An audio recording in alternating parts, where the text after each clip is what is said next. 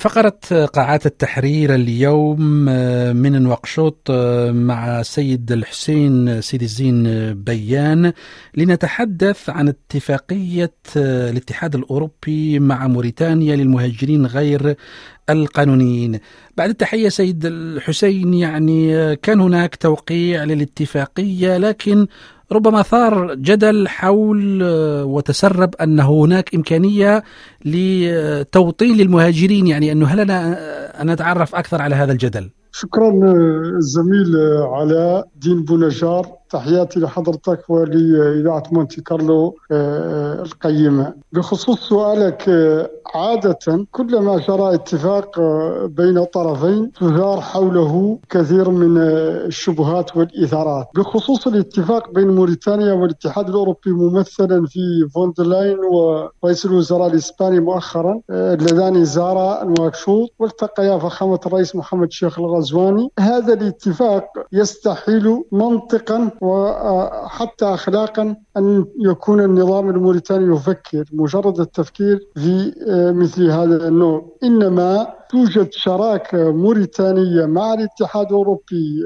من فترة يعني يمكن من حوالي أكثر أو يزيد على 30 سنة في موضوع المهاجرين وشهدت مدا وجزرا حسب الظروف التي يحكمها مستوى طوفان المهاجرين. أي كثرة المهاجرين في فترة وتراجع العدد في فترات معينة خاصة وأن هذه الفترة التي نتحدث فيها الآن تشهد منطقة الساحل حالة من عدم لا استقرار بعد الانقلابات في الدول الصحراء المجاورة لموريتانيا. نعم. ونجم مع ذلك تيار من المهاجرين غير مسبوق وموريتانيا لديها ظروف ولديها أخلاق تحكم منطق تعاملها مع هؤلاء اللاجئين بالأساس وبعض هؤلاء المهاجرين لأنهم بالأساس إخوة وجيران وبعضهم لديه ظروف حرب مثل ما جرى في مالي ويتطلب من هذا أن تتعاطى معهم.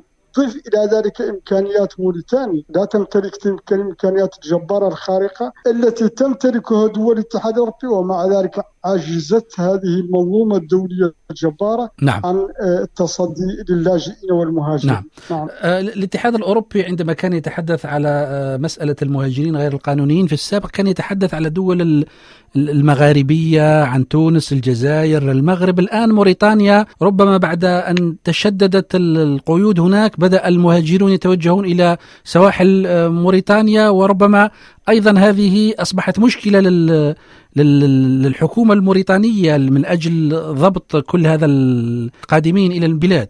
المعادلة بسيطة.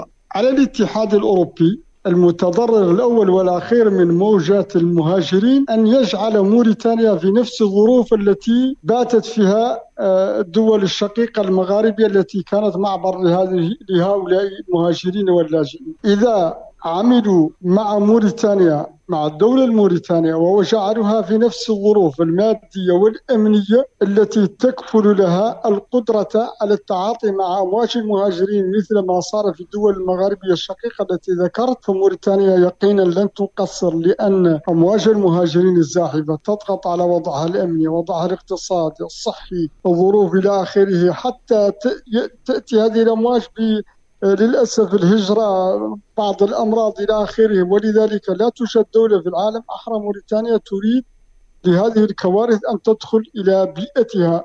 ولكن الظروف بالأساس هي التي تتحكم وتتغلب على هذه نعم. الحالة لذلك نعم تفضل. نعم طبعا يعني أنه مع الاحترام لكل الحالات أن هناك من يهربون خوفا من الموت من الحروب من الأزمات. فيعني أنه موريتانيا هي بلد استقبال ولكن يجب تقنين هذا اللجوء. أنا لا لا لا, لا أضع موريتانيا بلد مأوى بمعنى المأوى ولكن الظروف أجبرتهم على أن يبحثوا عن مكان آمن وموريتانيا. والحمد لله دولة آمنة ومستقرة سياسيا وأمنيا وقريبة من, من لهم على الحدود. مثلا نحن لدينا مخيم بر في الشرق الموريتاني على الحدود المالية. لجأ إليه الإخوان الماليين في ظروف صحيح. هم ليسوا شركاء فيها ولم يصنعوها.